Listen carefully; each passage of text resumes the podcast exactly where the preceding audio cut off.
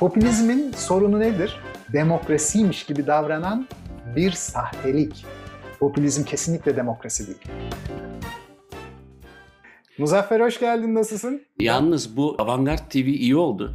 Teşekkür. Vallahi mutlu olduk. Demokrat olmak popülist olmamayı gerektirir mi? Bu birinci sorum. İkinci soru da ahlaklı olmak doğru söylememeyi gerektirebilir mi? İkinci sorudan başlayayım. Çünkü İstediğin diğer üzerine konuşmuştum çok. Şöyle, yalan söylemek ahlaklı olup olmamada bir ölçüt müdür? Bazı düşüncelere göre değildir biliyor musun? Değil? Çünkü bazı ahlakçılara göre önemli olan sonuçtur. Hı hı. Bazı ahlakçılara göre önemli olan niyettir. Çok Bazı ahlakçılara olmuş. göre de önemli olan Kant'ın söylediği gibi evrenselleştirilebilen kategorik imperatifi takip etmektir. Şimdi sonuççulara göre düşünelim. Karşında 5 yaşında bir çocuk, kanser hastası, ölüyor. Ona evet ölüyorsun evladım ama olsun, üzülme demek bazılarına göre ahlaki bir tutum, bazı ahlakçılara göre ahlaki bir tutum değil. Bazılarına göre ona yalan söylemek daha ahlaklı. Çünkü üreteceği sonuç bir mutluluk faydası sağlayacak. Faydacılar diyoruz buna ahlakta. İşte Bentham olabilir mesela e, felsefeci temsilcisi olarak. Dolayısıyla onlara göre yalan söylemek o kadar ahlaksız bir davranış değil. Aksine ahlakın peşine düşüldüğünde yalana başvurmak mümkün olabilir. Demokrasi ile popülizm arasındaki o bağlantıya gelince popülizm demokrasi içeriğinin çok sayıdaki biçiminden bir tanesidir. Fakat bu biçim semptomdan çok simptoma yakındır. Yani çok fazla aşırı yorumlanmış bir versiyondur. Peki farklılıkları nedir? Farklılıkları şudur. Demokrasiymiş gibi davranan popülizm asli demokrasinin çoğu alanda altını oyar. Çünkü popülizmin temelinde şöyle bir algılayış var. Genel kitle, buna sıklıkla milli irade denir.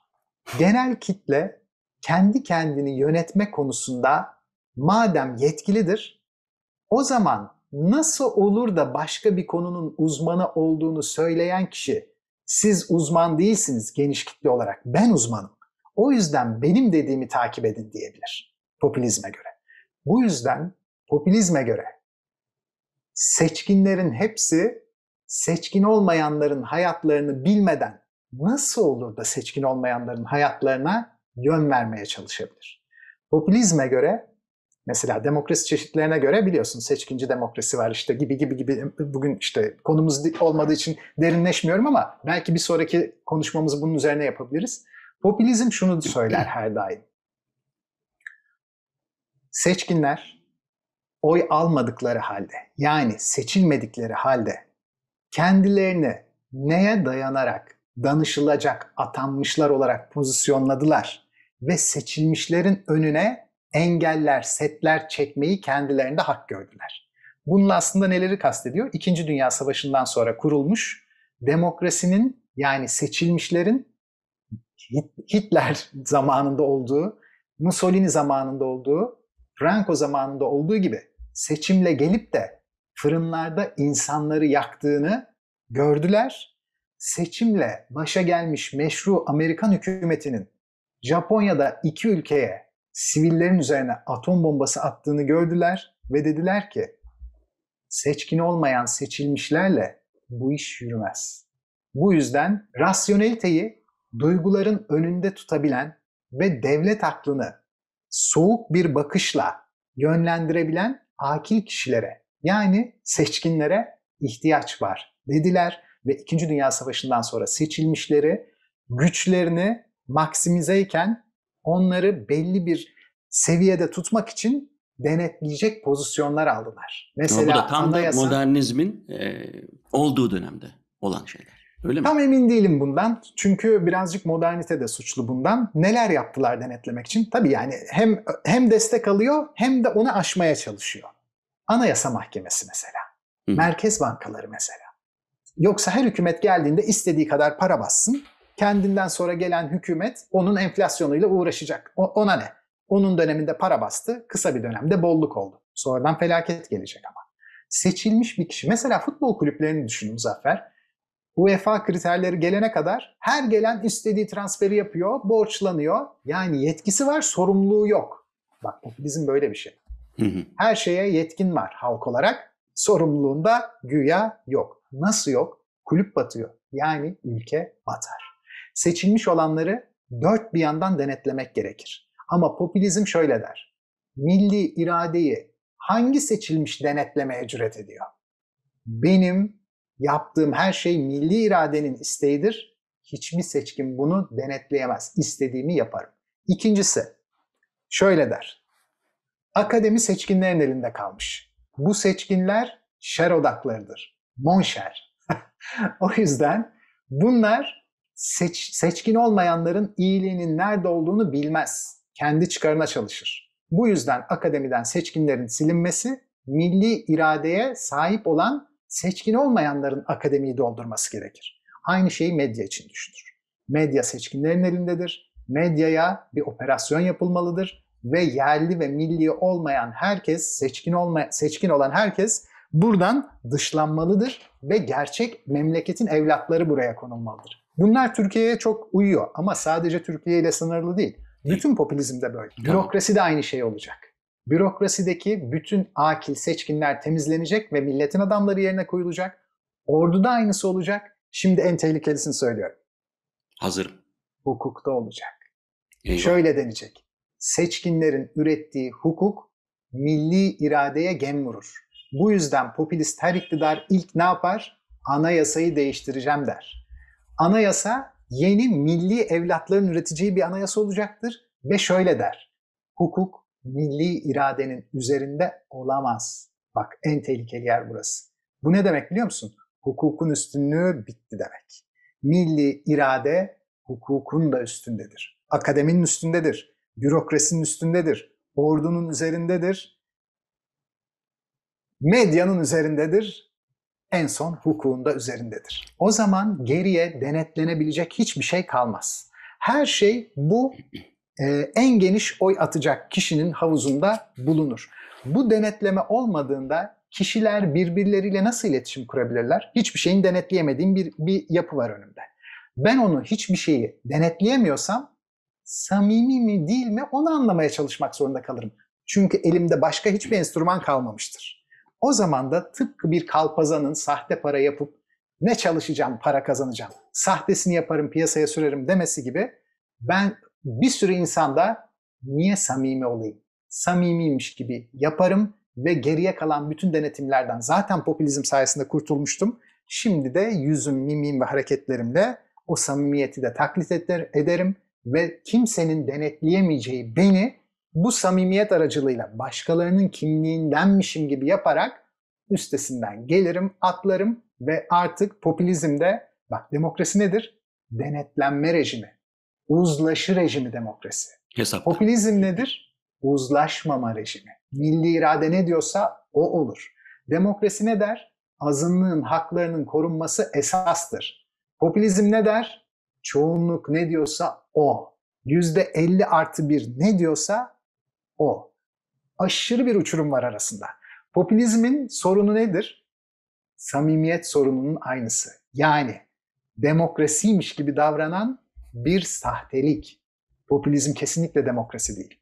Ve demokrasinin asıl altına oyan şey. Oymuş gibi davranıp demokrasiyi öldürüp yerine ben demokrasiyim diye davranmaya devam eden ve her şeyi tamamen bir Rus nihilisti gibi masadan silip atan, en son bütün denetlemelerden kurtulan ve biraz önce senin söylediğin o samimiyetten başka kişiye denetlenebilecek bir şey vermeyen bir yapı. Sen şimdi ne yaptın biliyor musun? Bir ülke nasıl ele geçirilir? Onun bütün madde madde verdin. Bundan sonra olduğun ülke ele geçirilirse sorumlusu biraz da sensin. O kadar iyi anlattın ki ben anladım. Şimdi mesela. Türkiye'ye gidip yani madde bir liderlerin monşerlerle savaşını güzel oynayacağım. Değil mi? Bu çok önemli anladığım kadarıyla. Evet. E yani milli irade çok önemli burada. Çünkü monşerlere mi güveneceğiz? Yani bu bilim adamlarına mı soracağız yoksa topluma mı soracağız? Peki bu Evet. mesela Belçika'da yapılıyor biraz ama ne kadar abartılı bilmiyorum. Benim benim takip ettiğim bilim dünyasında mesela işte bu yeni Covid'de şöyle bir şey var, çatışma var. Bilim adamları diyor ki hemen bırakmayın. Herkes işte şimdi hemen dışarı çıkmasın. Biraz da politikacılar diyor ki ya millet çok sıkıldı falan ama son kararı bilim adamları veriyor. Bilim insanları veriyor. Türkiye'de de durum böyle mi ya da başka ülkelerde mi bilmiyorum. Ama e, milli irade bu anlattıklarına göre popülizm çerçevesinden bakarsak e, kötü bir şey o zaman. Sen milli iradeye karşı mısın Yalın? Tam popülist liderli olarak sordun yani. İşte Tam görün böyle- Yalın kim görün işte. Yani milli iradeye karşı Yalın. Şöyle söyleyeyim o zaman. İrade her zaman insanda temel kaygı yaratan özelliktir. İrade. İstençtir çünkü bu, değil mi? İstenç. Bir istenç her zaman şunu bize getirir. Bu şeyi istersem bana ürettiği riskler ne? Benden götüreceği kayıplar ne? Benim kazancım ne? İrade ortaya koyması çok güç bir şeydir. Çünkü yanı başında sorumluluk ve kaygıyla birlikte gelir. Hı. Güçsüz bir kişi için irade koymak aşırı derecede kaygıya ve kayıplara yol açar. Bu yüzden irade koymak için modernitenin temsil ettiği ya da ifade ettiği her şeyi kendi aklına uslamlayarak düşünen ve kararlarını bir başkasına danışma zorunluluğu hissetmeyen, rasyonel karar alabildiğini düşünen bireye uygundur. Kime uygun değildir? Modernleşmesini tamamlayamamış kişiye uygun değildir. Şimdi bak, çok ilginç bir paradoks çıkacak. Modernleşmesini tamamlamış ve birey olarak kendi kendi kararlarını kendi rasyonelitesine vurarak karar alan birey güçleniyor ya toplum içinde Hı hı. birey olarak. Diğer bireyler onunla başa çıkamayacağı için liyakat bağlamında sorumluluk alma, öne çıkma. Bu bireyler görünmezleşmeye başlayıp arka plana düştüklerinde bunlar bir işbirliğine girecekler. Ne bağlamda girecekler? Ben karar alamıyorum, risk alamıyorum. Kaygı yüzünden yani öyle mi yapsam, böyle mi yapsam, irademi nasıl ortaya koysam dediğimde geleceğin ne sonuç vereceğini bilemediğimden büyük bir kaygı yaşıyorum bana güçlü bir önder lazım. Eğer o güçlü önderi bulursam ben irademi ona tahvil ederim. Böylece onun güçlü iradesinin arkasında bir nefer olarak dururum. Ne olacak? Modernleşmemiş, her türlü kendi, kişisel kararlarını rasyonellikle almayan her birey birbiriyle dayanışmaya girecek. Bak cemiyetler ve cemaatler oluşacak. Modernitenin paradoksu bu. Modernite kendi ürettiği bireyi bütün topluma yayamazsa o zaman kendi gibi olmayanlar bireyin karşısında birleşecek. E modernist birey yalnız ama o yalnız başına kaldı. Diğeri örgütlendi. Örgütlendiği zaman liyakatmiş, yetenekmiş, kendi kendi başına karar almakmış bunlar elin tersiyle itildi. Yeni birey yani o modernleşmemiş ve cemaat, cemiyet ağına giren ve kendi güçsüzlüğünü hayatta kalma stratejisi olarak diğerleriyle dayanışma haline girip bir liderin karar almasını bekleyip o kanaat önderinin aldığı kararlara doğru her şeyini uygulamak isteyen birey bürokraside iş bulmaya başlıyor. İş dünyasında istihdam bulmaya başlıyor. Devletteki bürokrasinin içine girdiğinde özel şirket ihalelerini kendi almaya başlıyor. Çok ilginç değil mi ya? Güçsüz olan bir araya gelerek asli olan mekanizmayı darmadağın ediyor. Ne kadar tanıdık geliyor anlattıkların valla. Maalesef. Bizim Ama dönemimizi milli- tavsiye. Çünkü bizim milli dönemimizi takip iradeyle ediyoruz. Milli iradeyle milli idare arasındaki farkı da çok Süper. iyi anlatmış. Şimdi ben de ona getirecektim. Milli irade denilen şey birkaç kanaat önderinin kendi arkasına taktığı ve iradelerini kendisine tahvil etmiş olduğu kitleye ne derse odur. Çünkü bu geniş kitle zaten bir hayata irade koyamamış olan bireylerden oluşmaktadır. Hayata kendi kendine irade koyan birey cemiyetleşme, cemaatleşme işine girmez. Kendi her türlü kararını alır. Bak mesela sol partiler çok çabuk dağılır, saçılırlar. Niye? Herkes kendi aklına göre karar verir çünkü. Ama sağ partiler her zaman lidere göre hiza alırlar. İradeleri, kendi iradeleri her zaman daha kaygıyla doludur ve bu yüzden de kendilerine bir fikri, duygusal, kimliksel önder seçmiştir ve o ne tarafa yönlenirse o da o tarafa yönlenir. O yüzden bu süreç milli iradenin milli irade olmadığını bize anlatır. milli irade 2-3 tane, şimdi bak burası komik, seçkinin eline geçer. Kim ama nasıldır bu seçkin? Seçkin olmayan kimliğine girmiş seçkindir bu. Derin devlet gibi oldu. Derin devlet de bunun içinde vardır. Cemaat yapılarının başkanları vardır. Siyasi liderler vardır. Gazeteciler vardır.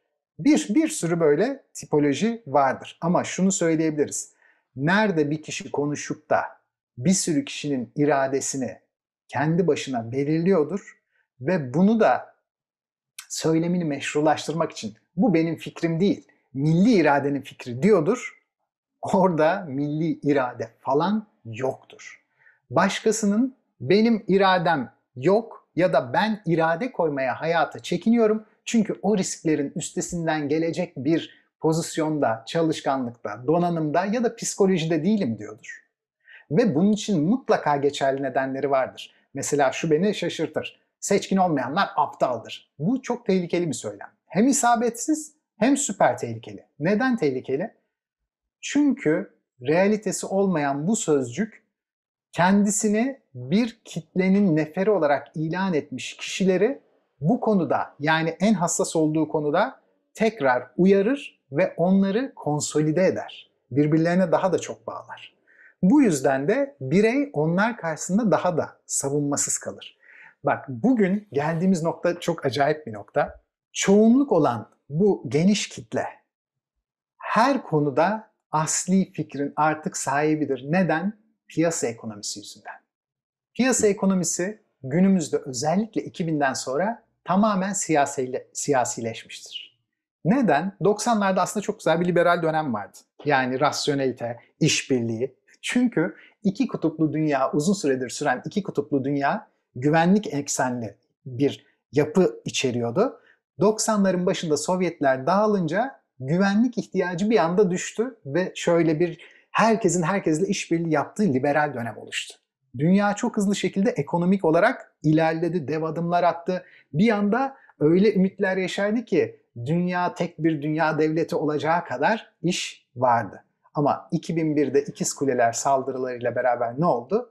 Bu sefer kutup bir anda Sovyetler varken Sovyetlerin sahadan çıkıp 10 yıl sonra yerine İslami işte terör örgütleri tırnak içinde. Var mı yok mu ondan bile haberimiz yok yani. E, ve ikiz kulelerden sonra tekrar güvenlik eksenli bir dünya inşa edildi. O zaman da tekrar akil insanlar geri plana düştü. Tekrar duyguları motive eden.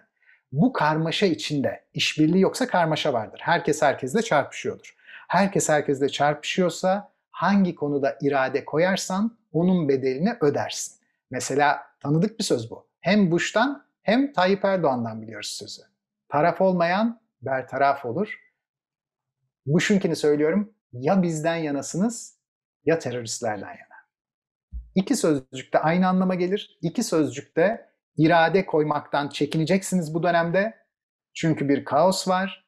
Ancak iradenizi benden yana koyarsanız o zaman sizin için bir ferahlık ve huzur vardır. Bütün bunlardan anladığım şeylerden bir tanesi bir ülke nasıl ele geçirilir? Bu cepte, bu tamam. İkincisi bireyselleşememiş bir toplumda kişilerin ihtiyacı olduğu şey büyük liderlerle tırnak içinde sana milli iradeyi sunacak liderlerle kotarılıyor bir şekilde. Hı hı. Bugüne kadar. Bunun orta çağdan farklılıklarını belki sonra konuşuruz ama benim anladığım en önemli şey buydu. İstersen sonra devam edelim. Şöyle bir şeyle bağlantılandırayım sadece. Tamam. Kişi dünyanın zorunlu olarak içerisindedir ve kendi dışarı çıkarıldığında dünya eksik kalır. Dolayısıyla benin kurgulanması zorunlu olarak bir yanılsamadır, yanlışlıktır. Ben kendisini içerik olarak algılamakta mahirdir, dışarıyı biçim olarak algılamakta mahirdir. Bu yüzden Muzaffer şöyle bir yere geliyor. Kendi içeriği çok güçlü olmayan her özne başkasının biçimsel güçlülüklerine göre kendinden ona içerik atıyor ve bunda en çok bugün konuştuğumuz üzere samimiyet yani kimliktaşlık olarak onu içeriklendiriyor biçimi. Bu yüzden de bu dönemde samimiymiş gibi görünen, başkalarının duygularını anlarmış gibi görünen biçimler yani imajlar üretmek ön plana çıkıyor. Mesela hatta sosyal medyayı düşün. Twitter öyle düşünüyormuş gibi yapanların, Instagram'da öyle görünüyormuş gibi yapanların simgelendiği, simgeleştiği, avatarlaştığı yerler. Bu doğru bir yöntem. Ne için doğru bir yöntem? Durumun bağlamı için doğru bir yöntem. Ama ahlaki mi, değil mi ya da hakikatle ilintili mi? Onları tabii başka bir programda belki yine ele alırız. O zaman Allah herkese gani gani içerik versin. diye. Harikasın ya. Çok güzel bir sohbetti. Vallahi çok teşekkür ederim. evet. Tamam. Yalıncığım görüşürüz tekrar. Ee, Görüşmek üzere.